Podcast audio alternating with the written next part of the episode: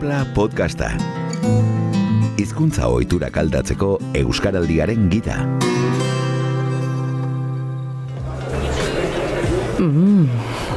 Pilo bat gustatzen zait. Ba, esaten ez badiozu sekula ez du jakingo. Ah, lotxa ematen dit. Ni ezpanengo bezala begiratzen diozu eta elkarri, mesedez. Zirte dozart, oraintxe da momentua? Eta ulertzen ez badu? Ai ama, ez dago aitzakia merkeak asmatzen irabaziko zaituenik neska. Batek daki berriro ikusiko ote duzun sekula santan? Zoaz ta aitzegi jozu.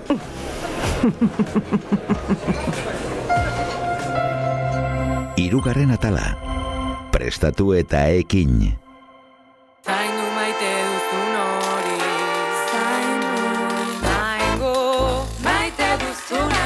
Monika, ze, ekinen diogo irugarren atalari? aurrera joanko duz nahi duzunean. Izan ere, bueno, dramatizazioan entzuten genuen, norbaitekin hitz egiteko irrikitan zeudela, gu gure entzuleekin komunikatzeko irrikitan eh, gaude. Kontua da, hizkuntzak iztuna behar duela, eta euskal hiztunak alde ez duen testu inguru batean, bere hitzaren jabetza eskuratu behar du euskaraz eroso bizia izateko. Oitura aldakete zari garenean, egunero egunero ditugun ehunka hartu emanetan jokatzen ari garen portaerak aldatzeaz. Ari gara. Harreman bakoitzean ondugun portaera landuz, apur ditzakegu inertziak. Eta portaera horiek, behin eta berriro errepikatuz, alda ditzakegu oiturak. Ez ere ez da berezko, ekinaren ekinez lortzen dira aldaketak. Ekiteko gainera, borondateaz gain, baliabideak ere behar ditugu. Alduntzeaz ari gara bai, iztun modura alduntzeaz. Erabaki, autua egin, gure burua prestatu eta ekintzarako prestatzeaz. Ahalduntzearen ondorio da, norberaren hizkuntza ohiturak aztertuta, aldaketarako palankak ezarri, portaera linguistikoak aldatu, eta norberaren ohituretan ez ezik, inguruko errealitatean ere eragitea. Belarri prest edo hau bizi modura jokatzeak, ingurukoengan ere eragiten baitu. Bestelako eremuetan ere egin dituzte antzeko saioak eta hizkuntzaren praktikan hain gure, hain barneko den eremuan ahalduntzeari behar duen lekua zor diogu. Hamar urte baino gehiago dira Euskal Herrian ere Euskal Hiztunak ahalduntzeko saioak eskaintzen direla. Milaka lagun pasa dira saio hauetatik, gerora etorri dira Euskaraldia eta hizkuntza praktikak oinarri dituzten bestelako ekimenak. Arau sozialak auzitan jarri, iztunak aktibatu eta zabalditzagun hizkuntza autua bururaino eramateko baliabideak. Zapla. Inaxio Uzarralde, Euskal Filologian lizentziatua, emun kooperatiban hizkuntza aholkularia da 2000 eta sei urtetik. Azken urteetan hizkuntza portaeren eremuan ari da lanean, telp tailerretan gidari besteak beste, ongi etorri gurera Inaxio, ongi etorri Zapla podcastera. Eskerrik asko. Aizu Inaxio, telp saioetan izunei baliabideak ematen dizkiezue, egoera ezperdinetan hizkuntza autuari eusteko, badago prestakuntza beharrik, zin gabezia ditugu izunok egoera ezperdinetan gure hizkuntza autuari eusteko. Beharrik badagoen, ba, bueno, ba, guri esperientzia diosku, ba, baietz, e, gure tailerretan lehen unetik gohartzen gea, egundoko beharra daukala jendeak e, hizkuntza otxurez hitz egiteko gutxienez. Nagusik esan dezakegu bi motatako jendea inguratzen zaigula, ez da? Bat, e, gutxineko kontzientzia baduen jendea, hau da, e, euskeraz bizi nahi du, hori argi du, baina maiz, e, bere autua aurrera eraman ezinik aurkitzen du bere burua. Edo oso gauza gutxigatik edo aldatu egiten du erdaran batera.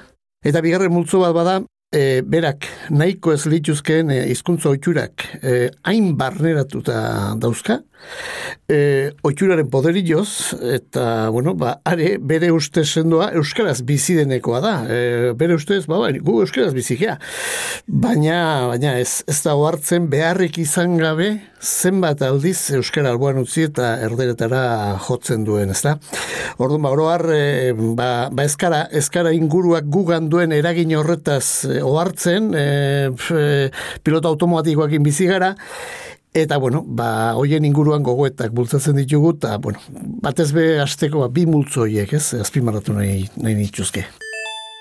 Eta hori horrela izanik, Inaxio, zeintzuk dira telpe tailerretan bultzatzen eh, dituzuen portaerak? Bueno, ba, nagusiki eta inoi leziorik emateko asmori gabe eta, ba, bueno, gogo eta bultzatu nahi dugu, ezta? Ze egiten dugunaren horren aurrian. E, besteak beste, telp tel tailerrak e, zuk nahi dezun e, hizkuntza autu horri eusteko e, gonbidapena egiten dizu. E, nola baita esateko, ez da?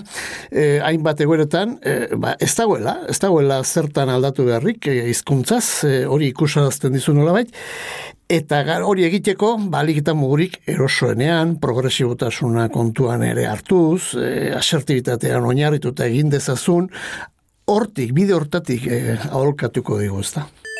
Aizu Inazio, oraintxe jabetu naiz telp tailerrez ari garela, eta lehen atalean Gema Sanjinesek ederki azaldu zigun zer ziren, baina kaso entzuleren batek lehen atalura etzuen entzun beraz, zer dira telp tailerrak? Bueno, e, e, sigla batzuk dira, bai? E, taller de espai linguistik personal.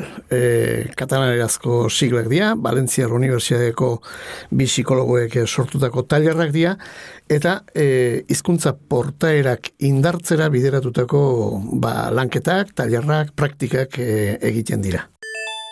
Bai, bai, aipatu izan dugu, ezta? Podcastaren aurreko ataletan e, ere portaera horiek egunerokoan bizi ditugun egoera askotarikoetan garatzea, ez dela erraza, stres linguistikoa bizi dugun egoeretan nola mantentzen dira portaera asertibo horiek zeintzu dira portaera horiek indartzeko kontuan hartu beharrekoak inasioa?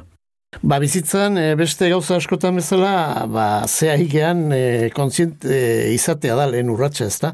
E, izkuntza hautatzen ari garenean, ba, estres egoerak, deserosotasunak e, sortzen zaizkigu egunerokoan, eta hoiek nigan eragina badutela konturatu behar dugu azteko. Behin hori eginda, ba, geure burua eta ondokoa zigortzen eta erruan duen eta elkarri horretan aritu beharrean, ba, egoera egoerari nola buelta eman eta nola indartu, nola aldundu, pentsatzen hasi beharko genduke gehiago, nire esku dagoen horretan arreta jarriz, ezta? Alduntze horretan oso gomendagarria da asertibotasunaren bidea.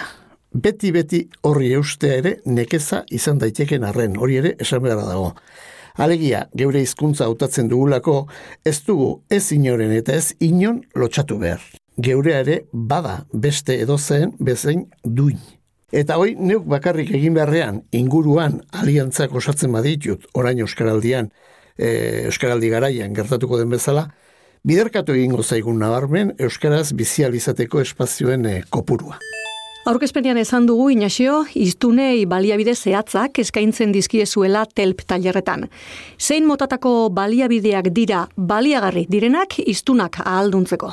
Baliabidez eh, hitz egiten dugunean e, geure baitatik e, sortuko diren e, oieta zaigea. E, hemen ez da zara jendeak e, zer miragarririk espero, e, ez, da, ez da izango eta.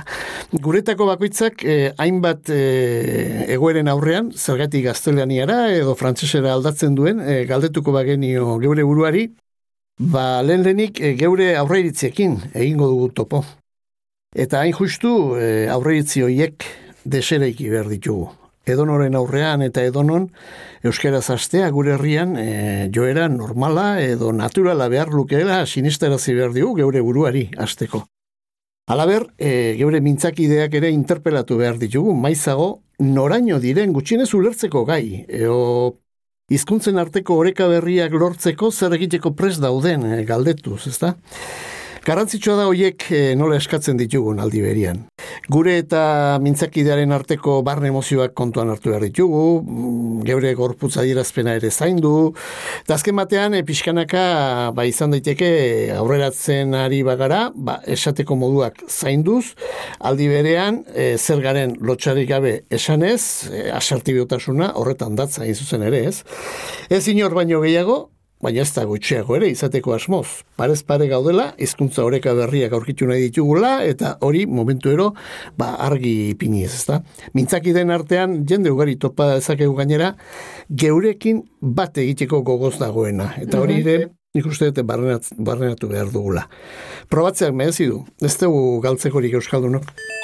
Bada gauzak horrela, Inazio, arrunt argigarria izan daiteke, jarraian ikustea nola jokatzen dugun egoera ezperrinetan adibide zehatzen bitartez.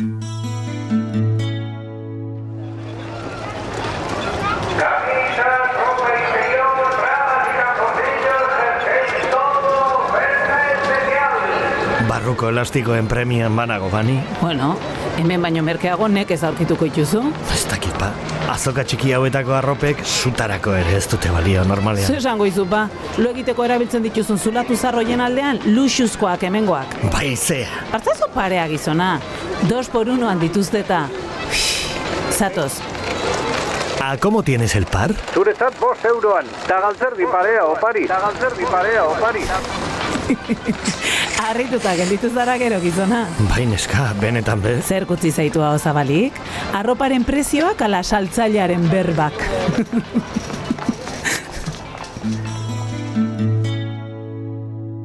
Aurreiritziek inesio pixu nabarmena dutela gure hizkuntza portaeratan. Ez duzuzte? Bai, bai, esan dugu ez. E, gure buruan ditugun aurreiritzi hoiei erreparatzea da lehen eginkizuna. Hemen ez gertatu da e, entzun berri dugun historia honetan. Euskararen zat, ustez giro arrotza dela e, aurre ikusi dugu e, azokako, asteroko azokako e, zera, erropa saltzaileen gune hori ez da. Gure buruan ala irudikatuta dugu. Beraz, e, iaiak geure buruari esanez e, joan oigea, ba hemen inork ez jakingo. Eta hori eginez zertan ari gara? Galdetzen diogu geure buruari? Horrelakoak esanez, mm, zertan ari gara? Geure indarra ahultzen besterik ez? Etzaigu burutik pasare egiten, eh, gaur egungo azoketako saltzaile asko hemen sortuak direla, eh, gure gure lurraldean, hemen eskolatuak, eta Euskararen ezagutza ere izan dezaketenik, etzaigu burutik pasare egiten. Eta hala espalitz ere, entzun dugun hortan, eh, nork zabaldu behar dio erdarari bidea? Erosleak, hemen entzun dugun bezala? Zergatik ez goaz, nik noranaira noala ere eta edonoren aurrean nagoela ere lehen hitza euskera egingo diot modu honean, tranquil beste edozein egiten diodan bezala. Zergatik ez no horrela, pentsatuz. E, zein da baliabide hor? Zeure pentsamenduan dagoen aurreiritzi hori ezabatzea lehenbiziko gauza. Edo nork erantzun zaitzak euskeraz. Bai? Eta hizkuntza portaera, e, zu nahi dezun bidian, finkatzeko saiakerak egiteko, ba, entrenamendua egin, hau esan ez esaterako, e, lehenengo hitza beti euskaraz egingo dut. Eta hoi ala erabakita, ez dut aldiro nere buruarekin borrokan ibili beharrik izango nola hasiko naiz eta bar. Eta horrela espazioak zabaltzen joango naiz. Amaitzeko, ba, hola jokatzen badet, eredu izan daiteke gainera, neure ondokoentzat.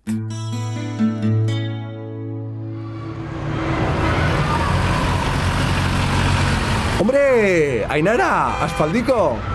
¿Cuánto tiempo sin verte, chica? Kaixo Mikel, bai, eguraldi, eguraldi asko ikusi gabe. Eh, ya, eh, ¿cómo tú por aquí? Ari naiz Euskara ikasten poliki poliki. Ah, ze ondo! Eta?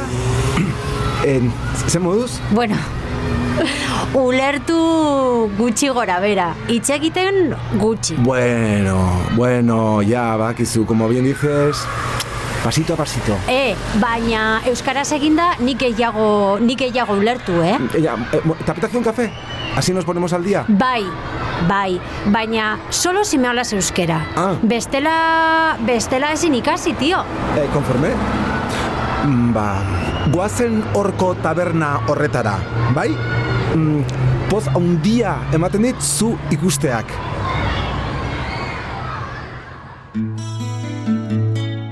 Bistan denez, Inazio, solaskideen komunikazio gaitasunak ere eragiten du, portaeretan.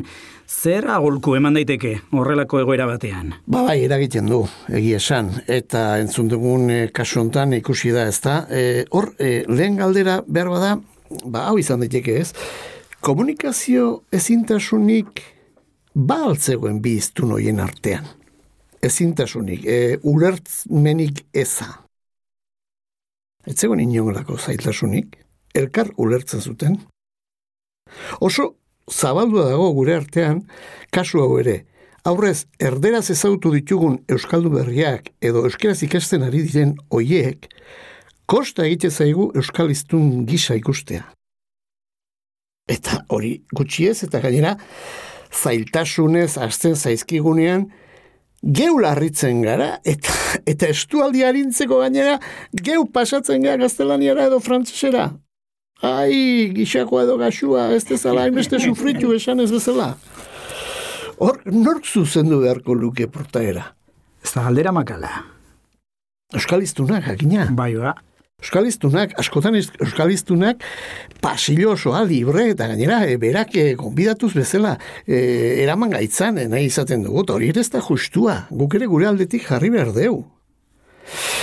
Eta noski, ba hortarako ze baliabide, ba, hombre, baldin badakit e, kosta egiten zaiola, ba neuk, komunikazio egoera horretan neuk hartu beharko ditu neurriak e, lasai egoitze egingo dut, hobeto oskatuz, mintzakideari ahal den einean bere esaldi guztia bukatzen utziz, ze hortan ere euskaliztunok oso artista gea, eh? asmakizunetan, ba ideia hauek praktikan jarri eta, eta gainera, era horta ohartu gaitezen, helburu bikoitza lortzen ari gaitezke, bat, ni euskeraz ari naiz, nahi dudan bezala, e, ulertzeko gaiden edozen personekin, eta kasunetan lagun batekin gainera, hori etzan oain arte gertatzen, beraz bada lorpen bat, eta bi, ikasten hasi den lagun horri, izan babesi bikainena eskaintzen ari naiz. Ura ere gure komunitateko kide bihurtzen ari naiz, de facto modu hortara jokatuz. Zer ze, zer nahi dugu gehiago, ez da? E, oaz eman aguro taberna batera, sekulako pixagura zaukanat eta. Izorrai, ezin du kalde zarrera iritsi arte itxaron? Hemengo tabernako oso esnobak dituk motel. Eh, Larrina on, benetan. Tira, hor pareko horretara, eh? Kafetxo azkar bat hartuta ospa.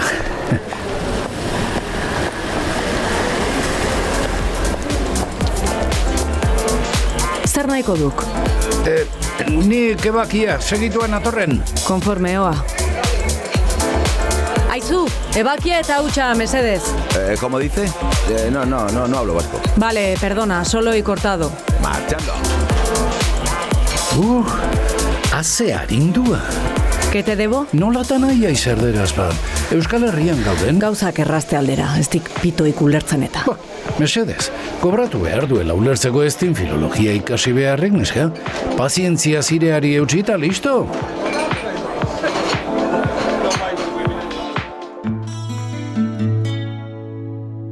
Euskaldunok badakigu lehen hitza euskaraz eginda ere, ba, be- beti ez ditugula, nahi genituzkeen erantzunak eh, izaten. Kasu honetan, tabernariak euskeraz ez duela hitz egiten, esan dio bezeroari.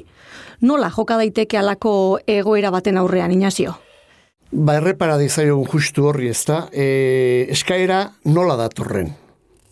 Mm, forma eta modu honean baldin badator, e, eta esaten badigu no hablo euskera, ba, bueno, ba, ohar gaitezen, zer esan digun, no hablo esan digu. No hablo ari zeigu esaten. Beraz, e, oso denbora laburra utzi behar dugu eta geu galdetu behar dugu. E, baina ulertu ulertzen duzu? Entiendes? Nahi baduzu, e, gaztelaniaz, e, e, aus, zera, gaztelaniaz ere errepikatuz galdera. Agian, oitu dugu denbora luzean no hablo horrekin, ba, Euskaldunak hizkuntza aldatu dugulako, ba, bere autodefensa tresna bat, eta orduan, bera lasai ederrean dago, ez dut esaten eh, ajola gabe, eh, baina oitu egin dugu, Euskaldunok, no hablo horrekin, ba, ba mugit, bera mugitu gabe gelditzera, ez? Beraz, harakatu egin behar dugu noraino dan ulermen arazoa, eta noraino, agian, ba, Euskararen ganako beak izan dezakeen fobia bat. Ezta? Kasu hortan, ba, tabernan oso interakzio laburra izan ohi dugu gainera, ezta? Eta hor, e, keinu bidez ere indartu dezakegu gure esateko hori. Edo, edo eskatzen ari eh? segidan, gaztelaniaz e, e, erantziz ere pixkat e, lagunduz, ez? E, begira, e, te voy a enseñar un poco. E, nahi dut, un kafe solo, kafe utxa, eta ebaki bat, un kortau. Ez da e, tonu egokian baldin badatozkigu eskaerak, bagian hor, e, zubiak eraikitzen ere hasi gaitezke, ez da? Beste da, no hablo tonuz eta moduz aldrebes e, iaia iraingarri eskatzen badigute. Hor oso denbora gutxien erabaki behar duguna da, zer egin, e, zerretzari horrek egindun hoi ez dagoela oso egoki gaur egungo jendarteko harremanetan. Ja ez hizkuntza kontuetan, harremanetan. Eta, bueno, ba, zer egin? Ba, ez dakit. E, ba, lagun batek esaten zian bezala, ez? Nikolakotan, ui, ui, ui, ui, gaur nire buruari esan diot, inorekin naizela sorretuko. Que te digo que, que hoy me he prometido a mí misma que no me voy a enfadarme con nadie. Agur, eta vuelta eman eta bagoaz.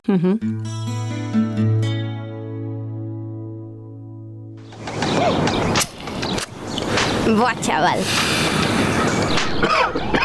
Better Call Saulen azken kapituluak ikusi dituzue? Brutalak.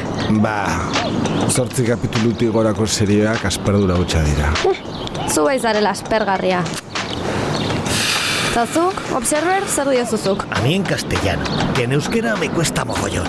Yo paso de series, tío. Ok, boomer. A ver, no digo que el euskera no sea bonito, ¿eh? Pero no sé, no me sale natural. Pues nada, next. ¿Tomamos algo? Vale, ok. Venga, vale. Qué bonito el euskera, pero no me sale. Zenbat alako, adeitsuago edo zakarrago, zuzenean edo zeharka, zenbatetan eskatu duten gure hizkuntza aldatzeko. Egoera, deserosoak sor daitezke, baina hauen aurrean erantzuteko ere prestatu gaitezke. Nola, nola joka dezakegu horrelako egoera batean inasio? Bueno, eh, erreparatu izaiogun arretaz estena horri ere. Hiru persona ari ziren izketan, ezta? E, lagun arteko giro bat, e, gazten arteko ba, erregistro batean. Entzun dugunez, hemen ere, e, itxuraz, komunikazio arazori baterez etzeoen. Denak ulertze zuten elkar. Euskaraz, erraztasun gutxien duen hirugarren esan dezagun iztun horrek, ba, bere autoa gaina argi usten du, ez? E, ba, ez da, jo no digo que el euskera no sea bonito, eta bar, da, bueno, ba, vale, ba, ba, konforme, baina ez dio inori esaten aldatzeko, ez dio inori eskatu aldatzeko, beraz, beste bi iztunek, autua sendo, euskera zaritzeko autua sendoa baldin balukete, ba, hoiek eutxi beharko liokete hizkuntzari, ez da? Jakina, bakigu, gazte garaian, batez ere, baina baita beste heldugaroan ere, haize kontra egitea ez da bat ere erresa gizarte honetan. Dana dala, e, eustea, euskaraz egin nahi duten nahi dagokie beti. Beraz, e, lehenengo bi persona hoiei e, dagokie. Hirugarrenak segi dezake nahi duen bezala. Eta lehen bien portaerak indartzeko zer egin beharko litzaken, ba hasteko ba eurek euskeraz segi nahi dutela argi eduki bere buruan, eta gero, ba, bueno, ba hori esplizitatu gabe, baino, e, seriak, beraien gai kutxunak, ba euskaraz komentatzen segi. Eta inkluso, eta hirugarren hori ere, tarteka nahi hori modu, e, komunitate hortara e, inguratu, ba euskaraz dagoen eskaintzaren berri, eskaintzaren propaganda ere, ozen eta argi eta garbi egin. Geroz eta euskarazko produktu gehiago ari dira e, plataforma berri horietan eta ere sartzen, ez? Sartzen, ordun. Bueno, dagoen horri ere e, ikusarazi beharko genduke. Aizu inazio, beraz, ondorio esango nuke argia dela. Hau da, hizkuntza autuari eutxiz, portaerak landu ditzakegula, baina horretarako garrantzitsua dela gure burua janztea eta entrenamendua egitea. Zuzen nabil. Bai, e, den dena ez dago gure esku, eta hizkuntza politika eraginkorrak aldarrikatzen jarraitu beharko dugu han eta hemen. Baina norbanako bezala, e, iztun bezala, geure buruarengan arreta jartzea ariketa politi izan daiteke. E, hizkuntza portaera non ditugu nobetzekoak antzemateko, eta bar. Hortik aurrera, Euskaldun izaten saiatu, edonon eta edonoren aurrean. Hori delako gure naia eta gaina zentzu bat du. Eta amaitzeko inazio, gomendiorik egin nahi baldin badiguzu, gu oso eskertuta. Izan zeu. Eta ez utzi zeure burua bestek nahi dutena izaten. Ederki, ez da gomendio makala, Juan Cruz? Ez ba, Inazio, Euskaldun asertibo hori, eskermila zure gomendioen gatik. Eskerrik asko. Ala izan bai da, eta norbaitek eh, ondo hartuko balitu, ba, ba postuko gea. Eskerrik asko. Urrengor arte.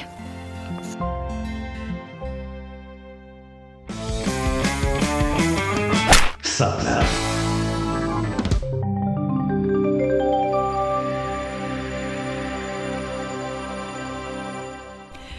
Kaixo, June Fernandez naiz, hogeita mazazpi urte ditut eta kasetari bilbotarra naiz, e, Pikara magazin eta argi aldizkarietan idazten dut batez ere, eta, bueno, ba, feminismoan eta LGTBI identitateetan espezializatuta nago.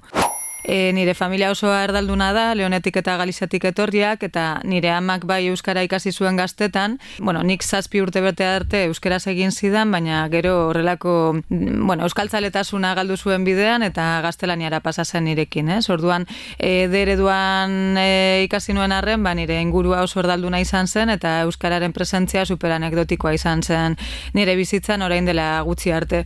Horregatik nik neuk, ba, kasetaritza gaztelaniaz egitea erabaki nuen, e, gero egunkari espainol batean lan egiten hasi nintzen, eta bueno, ba, berre, berre euskalduntze prozesu bat bizi izan dut azken urteotan, eta e, horretan egon diren hiru mugarri azaldu nahi dizkizuet. Lehenengo mugarria izan zen, argian iritzi artikuluak idazteko gonbitea jasotzea, onintza iruretaren bidez, eta, bueno, nola bait bizitza aldatu dit, e, argiak zentsu askotan. E, azteko, feminismo euskara hausnartzera eta zabaltzera behartu ninduen, e, han idazteak, bestetik, ba, argian murgildu, murgiltzari esker, ba, itzuli nintzen euskal kulturara eta euskal edabideak kontsumitzera, eta nire bal, baloreak berrikusteko ere, ba, balio izan zidan, eh? zengertutasun horrek adibidez maite dut argiaren leloa txikitik eragiten eta horretik asko ikasi dut, ez? Ba, aitortu behar dudalako, adibidez, ba, pikara magazin sortu genuenean, ba, nik gaztelania hizkuntza nagusia izataren aldegin nuela, ba, alako handi nahi bat neukalako, ez? Hau da, nire helburua zen, alik eta jende gehiago gana heltzea, alik eta esparru zabalena hartzea, eta, bueno, ba, azken urteotan deskubritu dut, ba, txikitik eragitearen e, potentzialitate hori, ez? Adibidez, ba, jakitea nire iritzi artikuluak euskaltegietan irakurtzen eta komentatzen direla, ba, izugarria da niretzat. Bigarren mugarria izan zen Euskaraldian parte hartzea, e, lehenengo edizioan Bilboko amaikakoan. Eta hor, hau bizi rol hartu nuen, gainera hori ez, ba, kompromisu publiko hori hartu nuen. Eta amaika egunez Euskaraz bizitzearen erronkarekin, ba, egin nuen topo lehen aldiz estres linguistikoarekin, ez? Orduan, hor, hor hartu nuen olako kontzientzia politikoa eta gainera nahiko dezeroso sentitu nintzen nire privilegio bikoitzarekin, ez? Hau da, alde batetik e, euskara nekienez ba, aukerak nituen, erdaldunek ez dituzten aukerak, lan munduan adibidez, baina bestetik egunerokoan gaztelaniaz bizi nintzenez, ba, ba, eroso samar bizi nintzen bilbo batean, eta ez nuen zapalkuntza linguistiko hori ez da usaindu ere egiten, ez? Orduan, bueno, ba, gainera konparatu nuen estres linguistiko hori, ba, LGTB pertsonok bizi dugun armairuarekin edo estresarekin, eta horrek ere ba, zerpentza eman zidan. Orduan, euskara Euskaraldia bukatu zenean, ba, aldaketa horiek ba, errotu nituen, ez? Adibidez, ez ezagunekin lehenengo hitza euskaraz egiten ausartzea, edo eta nire lagunekin euskaraz dakitenekin, ba, lehen gaztelaniaz egiten genuen, eta orain behintzat elebidun, ez? Tartekatzen ditugu bi, bizkuntzak edo. Eta hirugarren mugarria amatasuna izan da argi nuen alaba euskaraz eta giro euskaldunean ezin nahi nuela. Eta bueno ba horri hori errasteko ba eta beste arrazoien artean larrabetsura bizitzera joan ginen ba arnasgunea delako. Eta niretzat larrabetsu ba izan da egundoko ba bizi modu aldaketa ez? E, hizkuntzari dagokionez ba an hasi naizelako ba euskaraz militatzen feminismoan e, euskal kultura eta gehiago kontsumitzen kirola ere osea palandreak izeneko taldean entrenatzen euskaraz parranda euskaraz egiten, eta, bueno, alaba izan da niretzat, mintza praktika lagun onena, ez? Eta bai, sumatzen dut bizkanaka, nire buruan ere, ba, gero eta elebidunagoa naizela edo, ez? Argian erreportajeak eta elkarrizketak idazten hasi naiz, pikaran Euskara bengoz bultzatzeko plan bat diseinatu dut, eta bira kulturgunean urdin elektrikoa izeneko formatua gidatzen dut, eta baita ere euskara eta LGTB identitateak e, ustartzen dituzten bi proiektu jarri ditut martxan. E, nola san izan boiera euskaraz deitzen da bat, Amaia Alvarez Uriarekin batera eta bizi erreferente bisexual euskaldunak sortzeko beste proiektu bat olatzartolarekin batera. E, amaitzeko hizkuntza autuari eusteko bi pizgarri nabarmendu nahi ditut.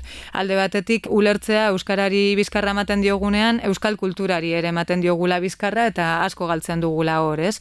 Orduan niretzat plasandre feministen lana ezagutzea eta mirestea akuilu izan da e, euskal kul- kulturan gero eta gehiago murgiltzeko. Eta hor, bueno, nabarmenduko nituzke bertsolariak, idazleak, musikariak, kasetariak, pentsalariak, Gainera, azken boladan, errepikatzen dut, argi dagoela, nire ustez, Euskal Herriko edabiderik interesgarrienak, kritikoenak, eraldatzaileenak, Euskarazkoak direla, ez? Orduan hori ere galtzen dugu, ba, Euskarari bizkarra ematen diogunean. Eta bigarren gakoan idotzat da, kontzientzia politikoa e, ba, erne edo piztuta mantentzea, ez? Eta, eta hori eman dit aktivismotik gertu egoteak. Hau da, esan nahi dute, hegemoniatik ateratzeak eta normaltasunaren kontra egiteak esfortzu bat e, suposatzen duela eta gatazkarako prest egon behar dugula, ez? Eta hori e, egiteko ba, oso beharrezkoa da ideologizazio puntu bat, ez? E, botere sistemak hor daudela identifikatzea, haien funtzionamendua ulertzea, zapalkuntza privilegio joko horretan non gauden kokatuta eta non egon nahi dugun hausnartzea, ez? Orduan, bueno, ba nire kasuan e, ohartu naiz txikitan elebiduna eta bisexuala nintzela, momentu batean erdara eta heterosexualitatera e, ba ez dakit bultzatu zidala sistemak edo inguruak edo nik, nik neuk ere ba hori egin batean onartu nuela Eta orduan ba niri mugimendu feministak lagundu dit hetero arautik askatzen eta euskararen aldeko mugimenduak lagundu dit nire ama hizkuntza berreskuratzen, ez? Orduan prozesu horretan barne kongruentzia moduko bat e, sentitu dut egun eta eta bueno, bereziki eskertzen diet e, feminista euskaltzale guztiei. Urratxe zurratx egiten ditugu aldaketa gure bizitzan. Eskaileraz eskailera gainditzen ditugu parean aurkitzen ditugun auztopoak ere. Determinazioa da lehen baldintza. Aldaketak egiteko naia, inertziak apurtzeko erabakia eta barneraturik ditugun arau sozialak hankaz gora jartzeko borondatea. Euskarari eusteko erabakiak gure hizkuntza portaeren lanketa eskatzen du ezinbestean. Aurreirizien pisua murriztea, komunikazioaren izenean gure hizkuntza autua ez baztertzea eta behin nola lelo batean jasotzen modura, espaloitik ez jaistea. Gure gogo adierazteak balio du lehen urrats modura. Euskaraldian txapek duten indarra horixe da, hain zuzen. Ikur baten bidez, solaskideei gure hizkuntza autua adieraztekoa. Baina, ikurri gabe ere, lehen hitzaren bidez eta gure jarrera asertiboaren bitartez, Euskaraz aritzeko hartua dugun erabakia erakutsi daiteke hainbat egoeratan. Eta parean, traba ba aurkitzen badugu, egoera neurtu eta inesiok esan digun modura, alden guztietan eutxi, Uste baino gehiago eta espero baino gehiago ulertzen gaituzte Euskal Herrian, uste baino gehiagorekin eta gehiagotan aritu gaitezke Euskaraz. Eta zorionez, uste baino gehiago entzuten ari zarete podcast hau, laugarranean ere, hor nahi zaituztegu, egin zapla! Zapla podcastaren irugarren atala entzun duzu. Monika Belastegi eta Juan Cruz Lakastak gidatuta, Euskaltzaleen topakuneak eta Euskaraldiak sortu dute EITB podcastentzat. Ekoizpena on time. Aktoreak Marga Altolagirre, Lorea Intxausti, Xavier Alkiza, Ainoa Ayerbe, Iñaki Beraetxe, Kepa Errasti eta Aintzane Gamiz. Soinua Iñaki Beraetxe.